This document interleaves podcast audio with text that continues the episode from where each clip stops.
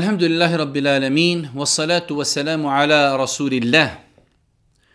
Rabbi li sadri ve li emri ve hlul uqdata min lisani jefkahu qavli. se svaka zahvala pripada uzvišenom Allahu tebarak ve ta'ala. Salavat i selam na Allahog poslanika, Allahog binanika Muhammeda, alihi salatu ve selam, njegovu časnu porodcu, uzvrte ashabe i sve ljude koji slijede put istine do sudnjega dana. Uvažene braći i poštovani sestre, uvaženi gledatelji, evo nas u još jednoj emisiji u kojoj se družimo sa vašim pitanjima, vašim problemima i vašim dilemama. Po zna koji put želimo da napomenemo da e, nemoguće je da odgovorimo svima vama na vaša pitanja. Vjerujte da oko 4.500 e-mailova ima na našoj znači, email adresi na koja još nismo uspjeli odgovoriti, tako da imajte razumijevanja. Mi evo imamo sedmično dva termina u kojima pokušavamo odgovoriti na što veći broj vaših pitanja. E, možda velik broj vas i nije svjestan Nekada pitanje izgledaju jednostavna, lagana, ali mi da bi pripremili jednu od e, emisija, e, to od nas iziskuje mnogo vremena. Prvo dok E, proberimo i odabirimo e-mailove e, na koje već nismo odgovorili, na neke e-mailove koji ne treba na njih da odgovorimo i tako dalje. Nakon toga kada sortiramo i odabirimo 30, 40, 50 manje ili više pitanja, tek nakon toga pripremamo odgovore na ta pitanja što od nas iziskuje mnogo vremena. Ovo je naša 92. emisija, ako smo dobro brojali emisije. Da li je dozvoljno hodati između safova u toku namaza kada se namaz klanja u džematu. Nema smetnje da osoba, ako zatim postoji potreba, prolazi između safova dok se klanja u džematu. Znači, ako se safovi poredali, ljudi klanjaju, primjer, radi e, podni namaz i ljudi klanjaju prvo sunnete, tada je zabrajno hodati ispred, ispred klanjača, između safova. Ali kada klanjamo u džematu, kada Efendija kaže Allahu Ekber, tada nema smetnje da hodamo između safova u toku namaza. Svakako, ako postoji potreba za tim, nekada se može desiti da čovjek izgubi abdest pa mora izaći ili jednostavno ima određenu potrebu da prođe s kraja džamije na drugi kraj da popuni saf ili nešto slično. To mi generalno je pravilo imamova sutra. Perda koja stoji ispred njega, ona je sutra svima ostalima.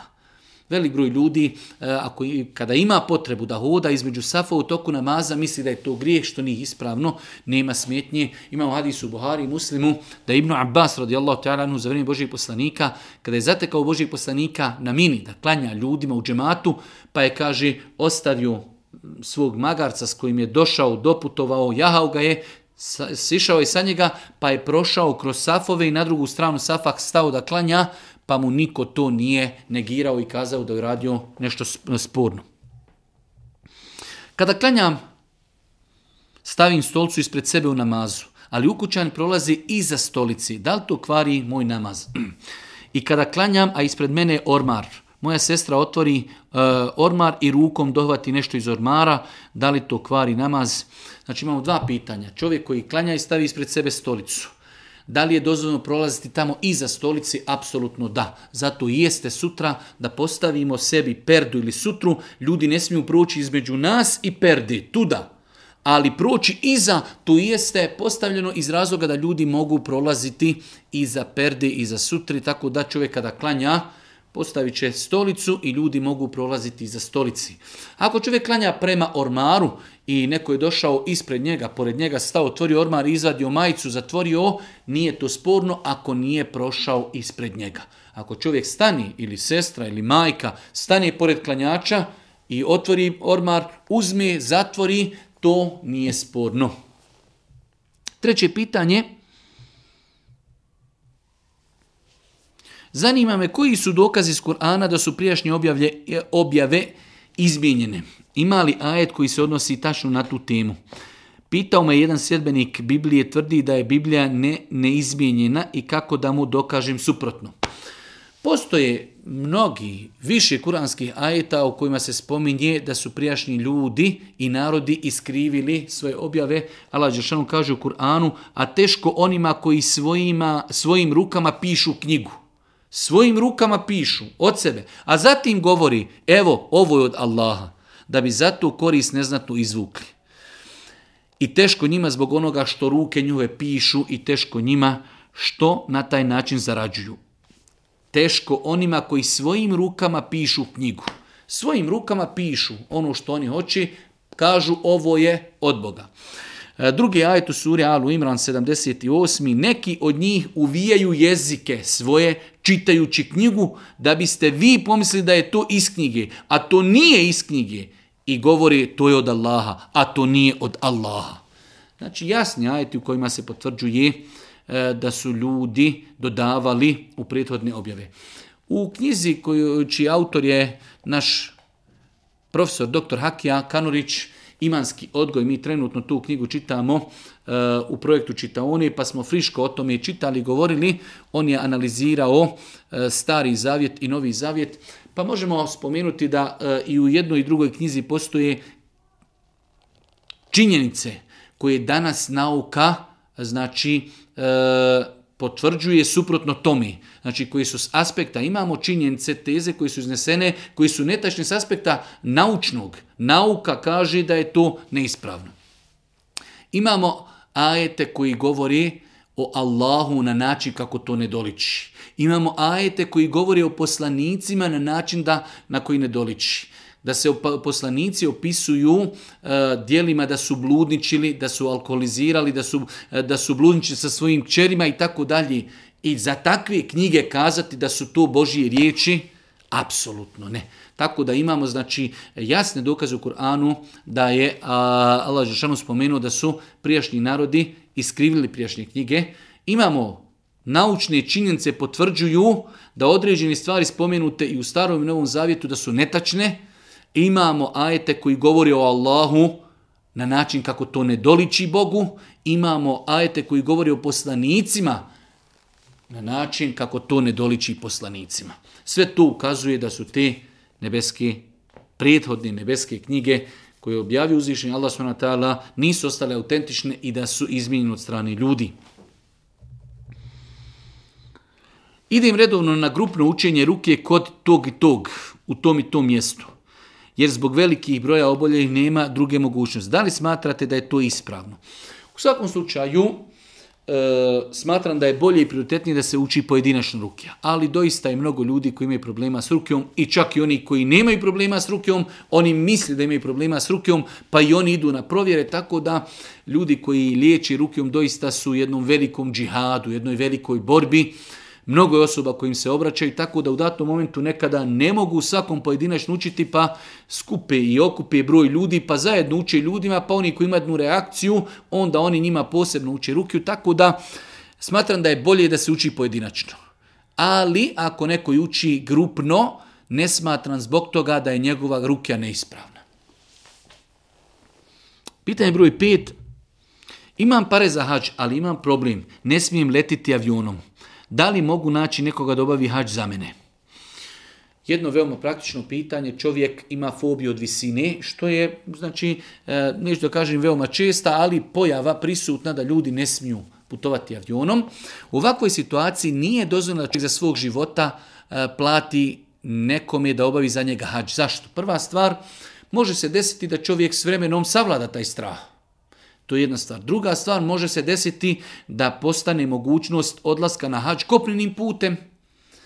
Tako da u takvim situacijama sve dok postoji mogućnost, a čovjek je fizički zdrav, nije dozvoljeno za njega da neko drugi obavi, nije dozvoljeno da neko drugi obavlja hač u slučaju ovakvom pošto to nije trajno oboljenje. Može se desiti da čovjek, znam da postoji čak kursevi, postoji znači seminari na kojima se tretira ovo pitanje gdje ljudi s vremenom se oslobode i počnu putovati avionima, tako da čovjek treba da se pokuša liječiti, možda se otvori, e, možda ozdravi sam od sebe, taj strah prevaziđi, možda postoji mogućnost da putuje kopnenim putem, ako sve to ne mogne, on inšala nije griješan, ali se za njegovog života ne može obavljati hađ. Ako a nije obavio hađ, njegovi nasljednici će e, zadušiti nekoga da obavi hađ za njega.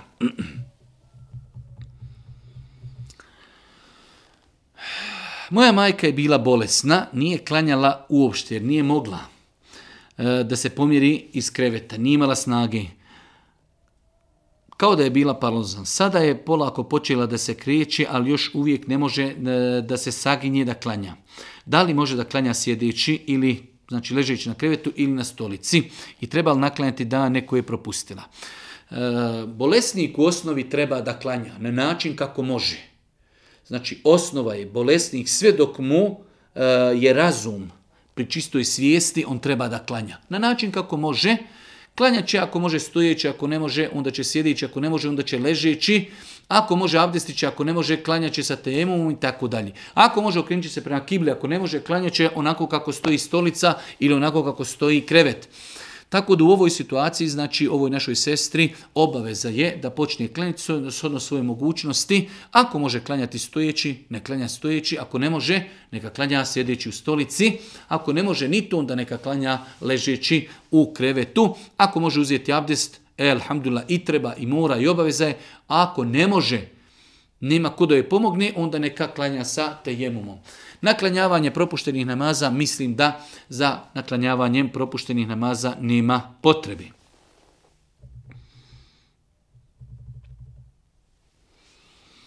Kakva je razlika između na file namaza i farz namaza u pogledu stajanja i u pogledu okretanja prema kibli? E, kada je u pitanju farz namaz, jedan od temelja ruknova namaza jeste da moramo stajati ako smo zdravi.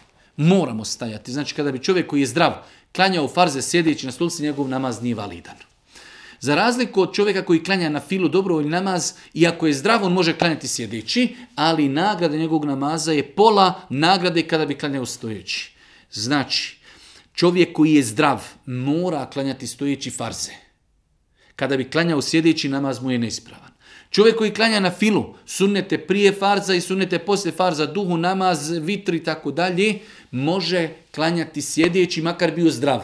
Ali ima nagradu polovine namaza onoga ko bi klanjao stojeći. Pa je to razlika između farza i sunneta, da znači u farzima moramo stajati ako smo zdravi. Kada bi klanjali sjedeći, namaz nije ispravan. Za razliku od na file, ako smo zdravi, možemo klanjati sjedeći, ali je nagrada upola manja. Tako je došlo u vjerodostojnim hadisima. A kada je u pitanju okretanje prema kibli, isto. Ako je u pitanju farz, moramo se okrenuti prema kibli. Ako je u pitanju na fila, ako klanjamo, stojimo, znači ne vozimo se, ne putujemo, moramo se okrenuti prema na kjabi, isto tako prema kibli, osim u slučaju na filu ako putujemo. Čovjek vozi auto, vozi kamion, u avionu je, na devije, tada može klanjati na filu sjedeći i može klanjati na filu da se ne okrene prema kibli. Znači dva su uvjeta da čovjek se ne okrene prema kibli u fili, da putuje, trenutno putuje i da klanja na filu. Ako se ispune ova dva uvjeta, čovjek može klanjati i da se nije okrenuo prema kibli. Tako da primjer radi čovjek koji vozi se u autu, čovjek jedan vozi, jedan suvozač. Suvozač želi da klanja na filu, može klanjati na filu, auto ide istok, a kibla je prema zapadu. Može znači da se okrine u bilo kojem pravcu kako, kako se okreće njegova jahalca, njegovo prijevozno sredstvo, ali samo, rekli smo, na filu. Znači, farze moramo klanjati prema kibli. Sunnete na filu moramo klanjati prema kibli ako ne putujemo, ako smo kod kuće, ako stojimo na benzinskoj pumpi i tako dalje. Ako putujemo toku putovanja, traji putovanje i klanjamo na filu. To su dva uvjeta, tada možemo klanjati na filu da se ne okrećemo prema kibli.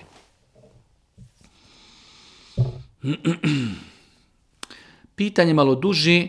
Čovjek kaže, živi izvan Bosni, ima problem kada dođe kući, E, boravi u Bosni sedam dana, njegova supruga želi da provede svoje vrijeme, to vrijeme njihovih sedam dana kod svojih, a on bi želio da provede nekoliko dana kod njegovih, pa nakon toga da ide kod svojih. E, u svakom slučaju, islamski učenjaci u fetama, pročitao sam više fetava, e, kazali su da čovjek nema pravo natjerati svoju suprugu da čuva rodbinske veze sa njegovim roditeljima. Nema i pravo natjerati, što znači ona ako želi obilazit će ih, dolazit će ako ne želi ne može i natjerati.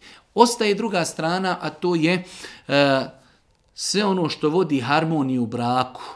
Trebali bi supružnici da nađu tu neki kompromis. Ja lično smatram ako čovjek je došao iz neke dijaspore u Bosnu, da bi ta njegova supruga trebala da dođe kod njegovi, pa ako ništa od tih sedam dana da dođe jedan dan, da dođe kod njih, da se poselami, da im malo pohizmeti, e, da jednostavno bude s njima, ako ništa jednu noć, dvije noći, nakon toga kaže poželjela sam svoje, idem kod njih, ostali dio, pet dana ću biti kod svojih i na taj način njen muž bi bio zadovoljan, došla je kod njegovih, oni su je vidjeli, malo ih je pohizmetila, došla je kod svojih, mislim da na taj način ispunit će i želju svojih, e, svoga muža i njegovih roditelja, a mislim da joj neće njeni roditelji zavidjeti i neće joj zamirovati ako je od sedam dana, dan ili dva bila kod njenog muža i kod njegovih roditelja.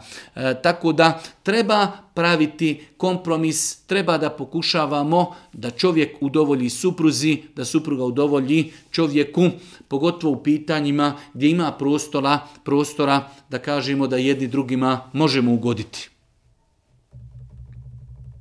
Deveto pitanje. Negdje sam čuo da osoba koja je obolila od sihra, ako o tome je priča ljudima, da džini imaju veći utjecaj na tog čovjeka. Nije mi poznato, nije mi poznato da osoba koja je oboljela od sihra, ako to ljudima kazuje, da džini imaju veći utjecaj na tog insana, prvi put čujem takvu stvar, ne znam da postoji dokaz u Koranu i sunnetu na osnovu kojeg bi mogli kazati insan koji je obolio, ako kaže nekome evo ja sam obolio od sihra, e, da na njega džini još više djeluju, prvi put čujem takvu konstataciju. Zanima me da li dizanje ruku kod učenja dovije prije nego što predamo selam u namazu, da li je to ispravno ili ne.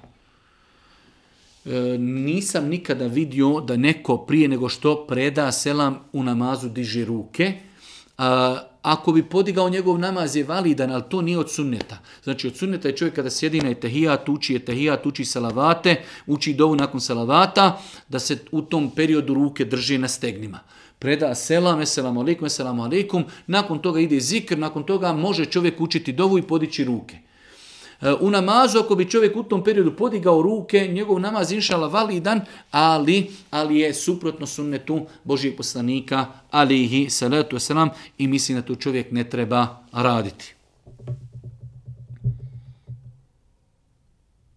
Ja imam 20 godina, nisam oženjen. Sada me zanima je li mi dozvoljeno prsten od srebra da nosim ili je to dozvoljeno samo oženjenim muškarcima.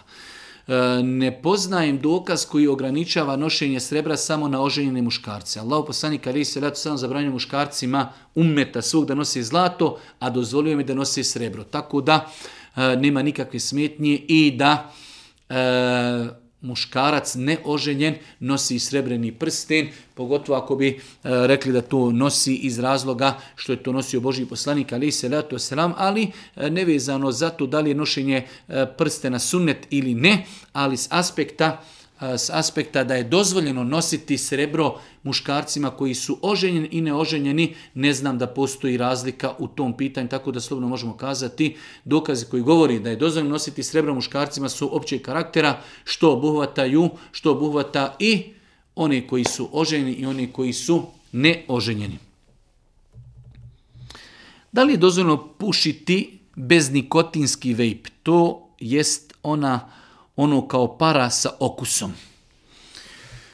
E, čitao sam govor islamskog učenjaka e, o ovom pitanju, a čitao sam i govor stručnih osoba.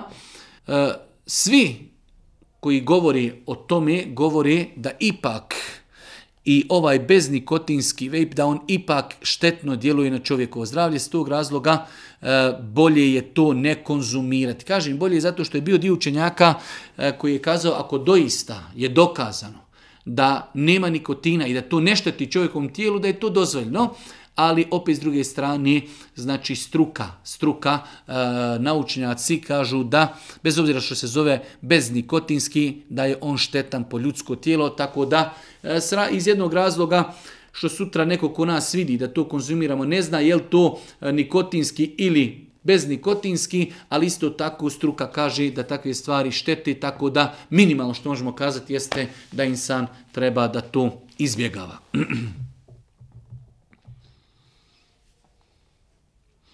Imam pitanje za vas kako to Azrail, melek smrti, uzima dušu i kako to u isto vrijeme kada, kada neko umiri.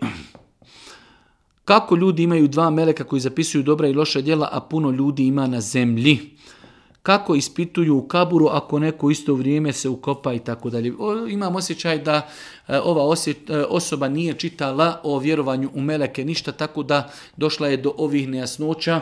Znači, islam stručnjaci kada govori o melekima, spominju e, da melek smrti ima svoje pomagače koji mu pomažu u uzimanju duši od ljudi. S druge strane, svijet meleka je nešto što mi ne vidimo i razlikuje se totalno od naših svijeta.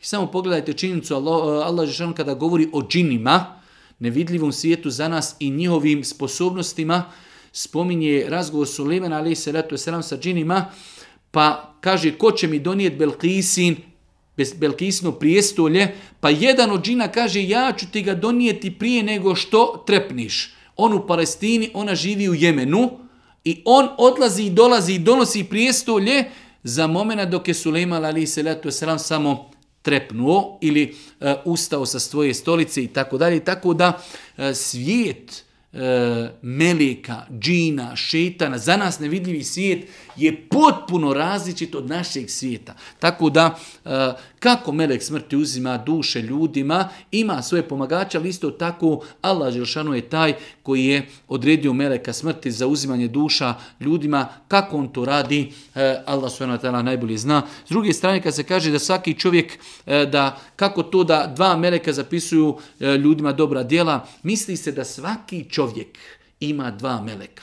Znači, koliko ljudi sada na planeti ima 8 milijardi, e sada uz 8 milijardi ljudi koji su punoljetni, znači imamo e, dva meleka, jedan s lijeve i jedan s desne strane, s desne strane piše dobra djela, s lijeve strane piše loša djela, znači u svakog čovjeka imaju dva meleka, isto tako znači e, E, isti je odgovor i za pitanje meleka u kaburu. Znači, kaburski život e, je potpuno drugačiji od našeg dunjalučkog života. Ne mogu da učinim seždu zbog operacije, pa klanjam sjedići, ali me muči da li trebam kijam i ruku obavljati normalno stojeći jer to mogu. Apsolutno da. Ovo je jedna greška koju rade neki bolesnici. Čovjek ne može zbog određene operacije da ide na seždu. Ali može stajati i može činiti ruku. Ali on od početka namaz kanja na stolci, što je neispravno i dovodi čovjek svoj namaz u pitanje. Osoba koja eh, je spriječena da radi jedan dio namaza, a ostale dijelove može, njemu je obaveza da ostale dijelove namaza klanja kako može. Tako da osoba koja ne može ići na seždu, primjer radi operisao je leđa, ali može stajati i može otići na ruku, onda mu kažemo za stojeći, otiđi na ruku, kada tjedneš ići na seždu, sjedi na stolcu, pogni se koliko možeš i to je tvoja sežda. Ali je obaveza da stoji na kijamu i obaveza je da stoji na ruku, odnosno ono što može uradit će, ono što ne može uradit će kako može.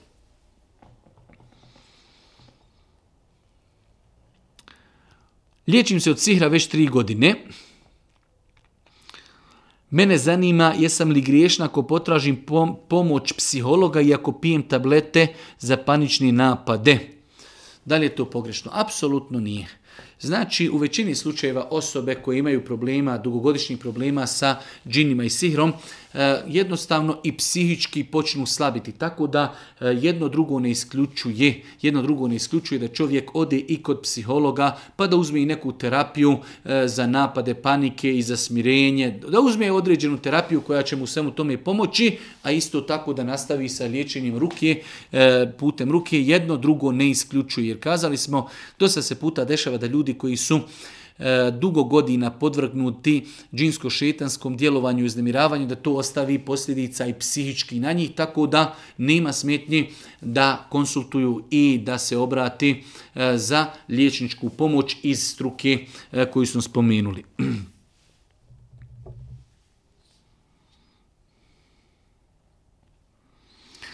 Pitanje je da li osobe koje klanjaju u džamiji na stolicama ispravno postupaju ako se posafaju na kraju džamije?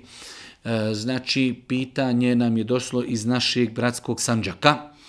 Kažu, kod njih je takav običaj da ljudi koji klanjaju na stolicama sjednu uza zid pored vrata, a ljudi gore ispred njih klanjaju u safovima. E, danas sam čitao određene fetve e, islamskih učenjaka koji kažu da je to jedan loš adet kojeg treba, na kojeg treba upozoravati i kojeg treba iskorjenjivati. Znači ljudi koji klanjaju na stolicama, e, nije ispravno, nije od sunneta da klanjaju na kraju džamije, osim ako je džamija se popunila, ako je džuma, ako je bajram, pa oni sjede i odmah ispred njih su safovi, to je u redu. Ali ako ljudi klanjaju u safu pored vrata i onda između njih i sljedećeg safa 10 metara to je e, minimalno, minimalno možemo kazati pokuđeno, jer Boži poslanik je naredio da se safovi popuni, da se ispravi i da se redaju jedni iza drugih. Pa je pokuđeno da bude velika razdaljna između dva safa, tako da E, treba takvim ljudima ukazivati na to, naj, najpozvaniji da im na to ukažu jesu ljudi koji predvodi u namazu, efendije, hođe, hafizi, magistri, treba da im kažu, ali vas nagradju, e, stanite u jedan od safova, da li će stati na kraju, da li će stati u zadnji saf i tako dalje. Znači to su već neka tehnička pitanja, ali je e, znači loš adet loš adet i običaj da ljudi koji klanjaju na stolicama klanjaju u zadnjem dijelu džamije, a između njih i sljedećih safova postoji znači desetak, 15 metara shodno veličini džamije. Zanima me jesu li djeca po islamu dužna pomagati roditeljima ekonomski kada počnu raditi. Roditelji nisu u potrebi. Da li je dozvoljeno od djece zahtijevati da daju sumu novca i tako dalje? Ovdje su znači ili kaže ili ostaje da je babo dužan izdržavati djecu. Ima li razlike između muške i ženske djece? Ovdje imamo dva pitanja, to je kada je roditeljima, do kada je obaveza izdržavati djecu i kada je djeci obaveza pomagati roditelje. Kažu islamski učenjaci, e, roditeljima u osnovi je obaveza izdržavati svoju djecu do punoljetstva. Nakon punoljetstva, e, Gleda se da li dijete radi ili ne radi. Ako dijete radi i zarađuje i privređuje, više roditeljima nije obaveza da ga finansiraju. Kada u pitanju muško dijete, kada je u pitanju žensko dijete, e, oni su to ograničili sa udajom, znači roditelji treba da izdržavaju svoje dijete žensko do udaji. Znači, roditelji izdržavaju svoju djecu do punoljetstva i do momenta kada djeca počnu zarađivati. Kada u pitanju izdržavanje djeci, da oni izdržavaju roditelje, kazali su islamski učenjaci, ako je dijete imućno i roditelj u potrebi, tada je tu obaveza da izdržava svoga roditelja. Ako je dijete imućno, a roditelj u potrebi, djetetu je obaveza. Ako je dijete imućno, roditelj nije e, u potrebi, tada je lijepo i pohvalno da dijete pomogne svoje roditelje poklonom hedijom, ali nije obaveza. Ali ako je roditelj potreban, a dijete imućno, njemu je obaveza da izdržava svoje roditelje, bez obzira radilo se o mušku ili žensku. Znači možete, može biti dijete žensko imućno, radi ili naslijedilo novac ili, ili, ili ima dosta novca, a roditelji e, siromašni, onda i tom žensku djetetu je obaveza da pomogne svoje roditelje. Znači bilo muško ili žensko dijete, ako je imućno, a roditelji siromašni, djetetu je obaveza da pomogne svoje roditelje.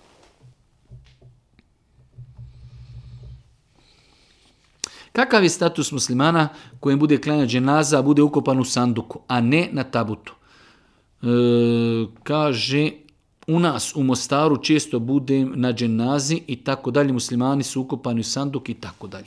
U svakom slučaju, velika većina islamskih učenjaka je spomenula da je pokuđeno mekruh, da se muslimani ukopavaju u sanducima. Znači, to je generalan propis da je pokuđeno i da ne treba da se musliman zakopava E, ni u sanduku, niti na tabutu. Musliman treba da se ukopa, da se spusti direktno na zemlju. E sada, osim u slučaju ako bi bila neka potreba, jer većina učenjaka kaže da je pokuđeno zakopati čovjeka na tabutu ili u sanduku, e, ako nema potrebi. Za razliku, svi oni stavljaju klauzulu ako ima potreba, različite su potrebe, ali ako postoji potreba, kao što se znalo desiti u par proteklih godina kada je bio problem koronije, pa e, i zaraza i mnogo nekih drugih razloga, tako da ako postoji razlog da se musliman zakopa u sanduku, Može se zakopati u sanduku, ali ako ne postoji nikakav razlog, odsunjete da se čovjek direktno spusti mejit na zemlju. Da li je dozvoljno da žena da zekijat na novac koji, koji posjeduje muž za njega? Jer muž ima novca, ali ne želi da daje zekijat na to. Muž svaki mjesec daje supruzi toliko, toliko para, e ona bi od toga uštedila i davala bi zekijat na njegov imetak. Znači, muž ima dosta novca, neće, ne želi da izdvaje zekijat. Svojoj supruzi daje dio novca da troši, ona bi od toga ušparala, ali da njega kao sačuva grijeha, ona bi davala zekijat na njegov imetak, jer to ispravno nije. Ispravno je da neko za nekog da zekijat ako to od njega osoba koja treba da da zekijat, ona mu kaže. Primjer radi kada bi žena čovjek joj kaže u redu daj ti za mene zekijat i ona da iz svog imetka u redu je. Ili obrnuto. Žena treba da da zekijat, muž kaže koliko treba, evo ja ću za tebe dati. I ona kaže u redu dati. Ali čovjek ne želi taj propis, ne želi da daje i onda idem ja da dajem za njega zekijat. Zekijat mora da se dadni s nijetom. Tu nema nijeta. Čovjek ne želi da se daje. Ne želi taj propis. Ne možemo mi klanjati za njega, ne možemo mi postiti za njega i ne možemo mi dati za njega zekat ako on to ne odobri. Tako da u ovakvoj situaciji to je samo pod novim znacima bacanje para, ne treba davati zekijat za njega. Ako on to dopusti, ako on kaže da, izdvoji za mene, onda je to dozvoljno. Ali u slučaju on ne želi da se za njega izdvaja, onda taj pa, ti pare nisu zekijat na njegov novac. Jedno malo čudno pitanje, ali eto, navikli smo, kaže, bila sam u vezi s jednim momkom i slala sam mu nemoralne slike. Poslije nekog vremena sam se udala, on je zloupotrijebio to, svakome je pričao i pokazivao. Da li mu je grije što to radi i da li će meni Allah oprostiti? E, prvo ovdje želimo da ukažemo na tu pojavu koja je nažalost rasprostranjena da djevojke sla, šalju momcima slike i to intimne slike. Hajde da žena pošalje svoju sliku neku, ne kažem da je ispravno, ali žena pošalje svoju neku standardnu klasičnu sliku, uslikala se negdje eh, u prirodi i poslala nekom momku sliku, to može čovjek razumjeti. Ali razumjeti ženu ili čovjeka koji jedni drugom šalju intimne slike, Tamam da čovjek i oženi tu djevojku i žena se uda za tog čovjeka, sutra neko može se izgubiti mobitel, neko ukrasti mobitel, e, može čovjek pogreškom putem Whatsappa, Vibera poslati nekom e, na pogrešnu adresu takve slike i tako dalje. Tako da je to jedna opasna i e, pravo, pravo čudna greška. Prvo što je to haram s aspekta islama da čovjek nekom je muško ili žensko šalje intimne slike, to je haram zabranjeno ali isto tako posljedice toga mogu biti kobne. Koliko je danas omladinaca i omladinki koji su ucijenjeni od strane nekoga koji je snimio eh, u nekim radnjama ili ih je uslikao i onda kaže, e, ako nećeš to uraditi, ja ću to objaviti, poslaš tvome ocu, tvojoj majci i tako dalje. Tako da, ovo je savjet našoj omladin, našim majkama, našim sestrama, našoj braći. Prvo što je to haram, zabrano, s druge strane, to nosi i kobne posljedice. Pogledajte, žena se udala i sad zamislite kako je njenom čovjeku kada dođe i neko kaže, e, slike tvoje supruge imaju tamo kruži po internetu, kako je ona to nekada slala tom nekom svom momku. Pogledajte kubni, po... može otići brak. Može osoba doći na level čije slike kruži internetu, ne daj Bože da počinje samoubistvo. Pa se nemojte igrati sa takvim pitanjima to što radi taj momak je apsolutno haram. Prvo što je slanje slika je haram, a njegovo širenje slika drugima je opet drugi haram. Da li će Allah primiti teubu? Allah subhanahu wa prima teubu ljudi koji čini kufr i širk, da ne primi teubu onoga ko se pokajao. Ali repovi teubi ostaju. Ne možemo mi ljudima zabraniti da oni tu sliku šalju i objavljuju putem internet. Makar to bilo haram, ali ne možemo im to mi zabraniti, a može to ostaviti traga na nas, na našu djecu, na našu porodcu, na našeg muža, na našu budućnost, na naše zdravlje. Zato nemojte to nikada u životu činiti. Ako je neko psovao Boga, nije znao da tu izvodi izvjeri, da li treba ponovno izgovoriti šehadet, kako mu bio primljen namaz, dobra djela? Psovanje Allah tvarketala prema konsenzusu islamskog učenjaka bez razilaženja i dijelo koje čovjek izvodi iz vjeri. Osoba koja izađe iz vjeri, murted, otpadnik od vjeri, vratit će se u vjeru na način što će izgovoriti la ilaha illa Muhammed Rasulullah. E sada, e, nerijetko se kod nas dešava čovjek opsuje Boga, možda već najveće klanja akšam, klanja jaciju, sutra uči jezan i tako dalje, tako da sve su to načini kako čovjek se vraća u vjeru. Ali, da li treba da kaže riječi šehadeta? Apsolutno da. Osoba koja je znači se odmetnula od vjere, uradila djelo koje ga izvodi iz vjere, hoće da se vrati u islam, treba svakako da izgovori riječi šehadeta. Osoba od 13 godina pita da li je namaz ispravan ako, se, ako sa strane imam video kako se klanja i ispod videa ima tekst.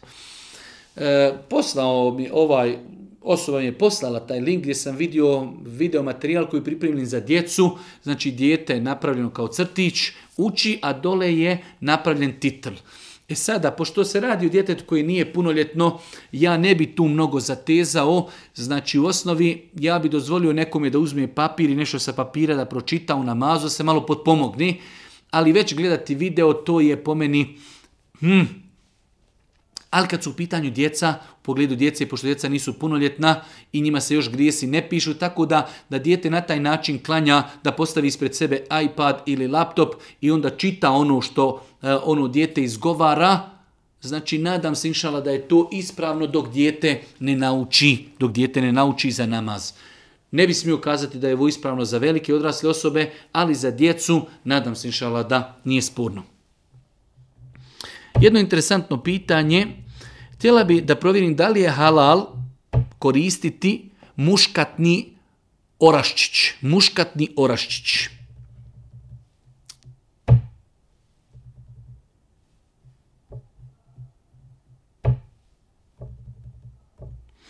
Pitanje je da li je dozvoljeno koristiti kao začin muškatni oraščić. Moram priznati da do sada nisam se susretao sa ovim terminima, zato moram pogledati da ga ispravno pročitam. Muškatni oraščić.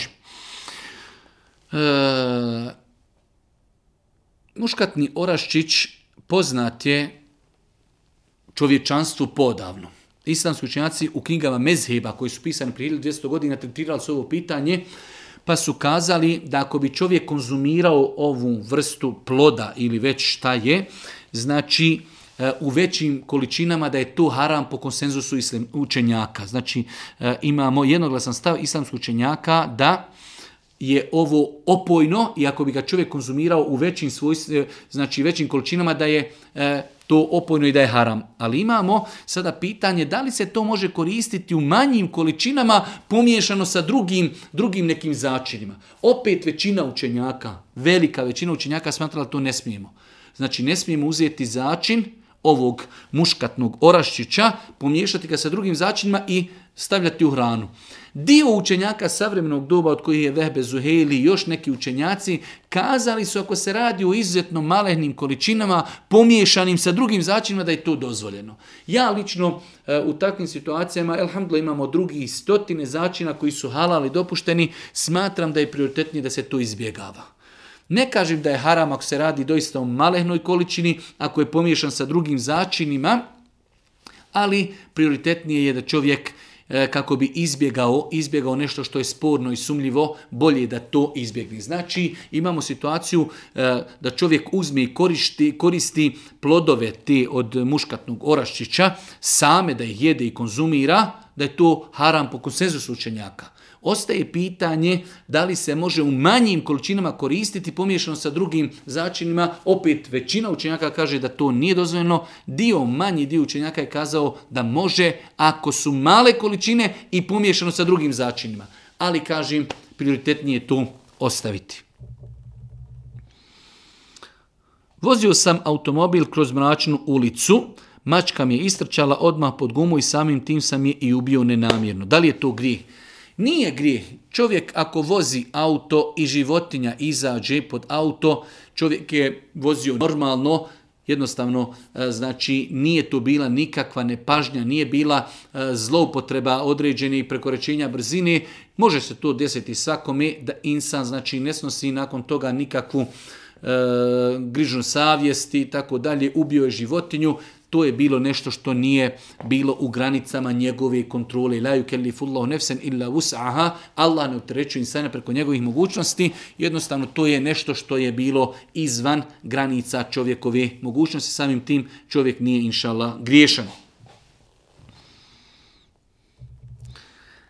Pitanje je kao ako je ženama zabranjeno da uzimaju za prijatelje na Facebook osobe koji im nisu mahremi, da li žena poslovna ima pravo da drugim ljudima koji nisu mahremi šalje e-mailove, ako se radi o e-mailima koji su poslovne prirode gdje nema nikakvih iznošenja emocija, e, stvari koje su vezane za posao, nema smetnje nikakve da žena pošalje e-mail e, neku ponudu ili ili jednostavno znači sve dok tu nema emocija, sve dok nema e, emocija ljubavi, intime, znači stvari koji se vezuju za privatni život, dok je to poslovnog karaktera, kao što uđemo u prodavnicu, muškarac uđe u prodavnicu eh, i radi žena, kaže dobar dan, mogli dobiti to i to, možeš i tako dalje, i obrnuto, znači razgovor muškarca i ženi u potrebi, da se svodi znači na ono što je potreba, ako tu nema emocija, ako nema ljubavi, ako nema privatnih eh, znači razgovora o privatnom životu, ako Bog da nije sporan s tim što treba i žena i muškara da se pazi, znači da čuvaju e, to odstojanje. Ako bi eventualno neko pokušao da počne razgovarati o nekim stvarima koje nisu poslovne, da zatvori ta vrata. Bio sam oženjen i kada sam odlučio i kada sam se odlučio razvesti, klanio sam istiharu i razveo sam se. Kasnije sam shvatio da ja volim tu svoju suprugu, je li mi grije e, ako je pokušam ponovo vratiti nazad. Nije grijeh čovjeku, u islamu postoje e, dvije vrste razvoda, imamo opozivi i neopozivi. Opozivi i razvod je prvi i drugi. Žena dok je u periodu pričeka, čovjek može ženu vratiti bez ikakve procedure. Ako je žena od onih žena koji imaju redovno hajz mjesečnicu, njena, njen priček je nakon razvoda tri mjeseca. Znači u tri mjeseca čovjek ima e, fore, ima vremena da razmisli i da samo ženi kaže vratio sam te i nastavljaju živjeti kao da se ništa nije desilo, bez ikakve procedure. Ako se desi da je iste kao priček, želi ponovo da je vrati, on treba da obavi svu proceduru i staratelj i mehr i vjenčanje i veli i sve ostalo. Sve ovo spominjeno bi kazali čovjek razveo ženu, želi da je vrati, u islamu nema ništa sporno, samo treba da pazi na propise, je li to e, opozivi, neopozivi, razvod braka, ako je čovjek već dva puta razveo ženu, Treći put znači to je neopozivi razvod braka, ne može je vratiti dok se ona za nekoga uda, ima sa njim intimni kontakt, pa ako se nekad njih dvoje razvedu, on ima ponovo vratiti pravo, ali generalno kao u islamu, razveo si ženu, možeš li je vratiti? Apsolutno da. Jedno malo duže pitanje, u kojem se pita, pošto sam ja snimao kako i na koji način se klanjaju namazi, ali sam pokušao prilikom snimanja da klanjam na jedan najpotpuniji način sa svim zikrovima, sa svim dovama i tako dalje. Pa je pitanje da li mi sve to u namazu moramo tako učiti? Apsolutno ne. Znači, e, pogotovo kada su u pitanju početnici, treba svesti e, namaz na ono što je osnovno i nužno. Da čovjek nauči početni tekbir, da nauči auzu, bismilu, da nauči fatihu, da nauči neku kraću suru, da nauči jedan od zikrova, subhana rabijel azim, subhana rabijel Ela, da nauči etehijatu. Znači minimum minimuma da se nauči, a nakon toga vremenom čovjek klanja pa naiđu hadijske zbirke, pa knjige o namazu, pa dova na ruku, pa dova na seždi, pa dova na kijamu, pa dova između dvije sežde, pa dova nakon etehijatu. Jednostavno dograđuje i nadograđuje svoj namaz, ali u početku to nije obaveza. Bitno je da se ispune ruknovi i temelji vađibi namaza. Jedno poročni, jedno poročno pitanje, poročni problem. Naime, moj muž ostaje budan do kasno u naveći, skoro svaku veći do neki 3 do 4 i do 5, gledajući TV i mobitel. E, imaju dva problema, teško ili skoro nemoguće ustaje na saba i druga stvar, ženu iritira što cijelu noć čovjek sjedi i nije sa njom u postelji. Šta je rješenje? Rješenje je jedino, rješenje je razgovor. Prva stvar s aspekta šerijatskog, čovjek svaku noć provodi e, do 3, do 4, do 5, u čemu? Na internetu, na mobitelu, e, sigurno ne sluša dersove i onda ne može ustati na saba. Prva stvar šerijatska ne ustaje na saba.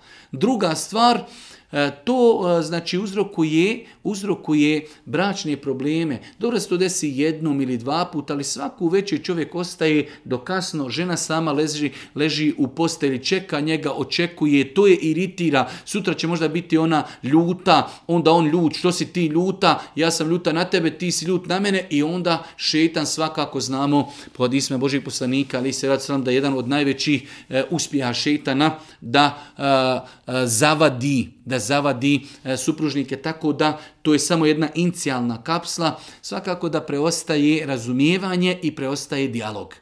Svakako da, svjestan sam ja činjenice da je u ovakvim slučajevima veoma teško voditi dijalog i da je skoro pa nemoguće da se takve osobe popravi, ali treba pokušati. Treba pokušati razgovarati, zamoliti, e, potruditi se, dobiti Allah te pa možda će se inšala problem riješiti.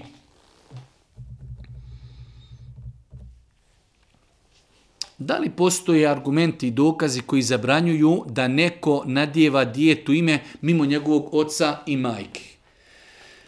Osnova je da roditelji imaju znači zajedničko pravo da nadjenu dijetu ime. Ako se ne bi mogli složiti oko imena, onda će dijetu dati ime njegov otac, ali da li neko sa strane može da im pomogne? Apsolutno da ne postoji dokaz, čak šta više, djed Božijeg poslanika, ali se letu selam, on je nadjenuo e, e našem poslaniku Muhammedu, ali se letu selam, njegovo ime Muhammed, kao što bilježi i govori o tome knjige e, historije. Tako da nema smetnje e, ako su roditelji saglasni da djed, nana, dajđa, amidža, tetak, komšinica, prijatelj, ako to oni su saglasni sa tim i kažu šta velite da nađete djete to ime, a lijepo ime hoćemo, svakako da nema smetnji da neko pomogne u nadjevanju imena, znači roditeljima.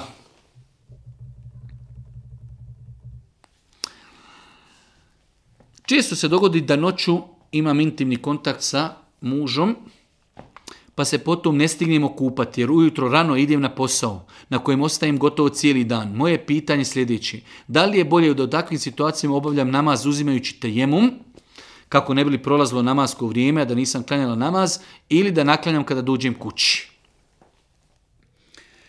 Znači osoba ima intimni kontakt sa čovjekom, ustaje, ide na posao, nije se okupala i pita na poslu je li preći da uzmete jemum, kako ne bi prolazili namazi ili kada dođe kući da to naklanja nakon što se okupa. I jedno i drugo neispravno. Ako već osobe imaju intimni kontakt i znaju da sutra moraju ići na posao, onda trebaju odmah nakon intimnog kontakta da se okupaju, ako to ne uradi, onda trebaju ustati sahat vremena ranije prije što krenu na posao i obaviti svoju šerijatsku potrebu, jer u ovakvim situacijama nije isprava namaz, niti sa tejebom, niti sa naklanjavanjem. Znači, insan na ovakav način dovodi u pitanje najbitniji temelj svog namaza.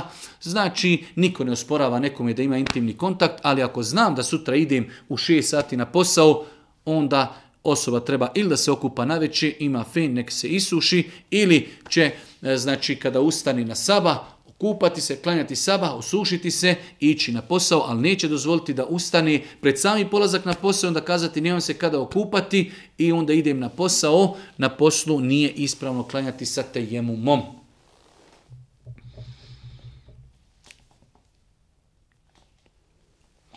Pitanje je, malo duže, ali rezime pitanja je da li se može na trećem i četvrtom rekiatu učiti nešto mimo fatihi.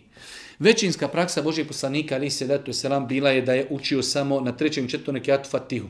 Tako da e, čovjek, e, znači na prvom rekiatu uči Fatihu i suru, na drugom Fatihu i suru, na trećem uči samo Fatihu. To je osnova, to je temelj. Ima učenjaka koji su na, određenim, na osnovu određenih e, predaja spomenuli da se ponekad, ponekad može u Fatihu i na trećem i četvrtom rekiatu učiti i sura. Ali ponekad.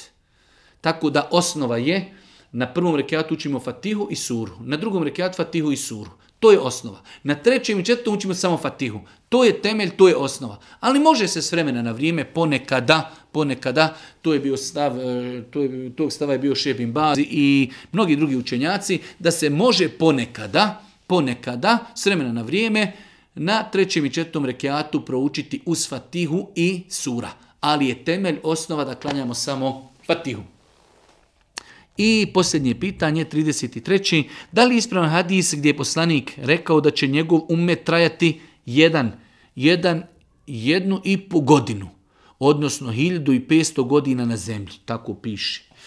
U svakom slučaju, hadisi koji govori o tome koliko će Dunjaluk trajati, e, ovom, ovaj umet koliko će dugo ostati e, u životu, ti hadisi ili su apokrifni, ili su to israelijati, znači stvari preuzete od Izraelčana, Benu Israila, tako da ne postoje vjerodostojni hadisi, odnosno i takvi hadisi i takvi argumenti su u koliziji sa činjenicom da niko ne zna kada će nastupiti sudnji dan. E, ovakvi argumenti bi u datom momentu precizirali kada nastupa sudnji dan, tako da hadisi koji govori o tome kolika je dužina dunjaluka i koliko će dugo ostati e, na, na, na zemlji ovaj umet, znači e, imaju određeni hadisi, ali ti hadisi su, kao što kažu islamski učenjaci, laž, apokrifni hadis, laž na Božih poslanika. Ne postoji rodosan hadis koji govori o tome koliko će ovaj umet trajati, koliko će živjeti E, samim tim i ne znamo kada će nastupiti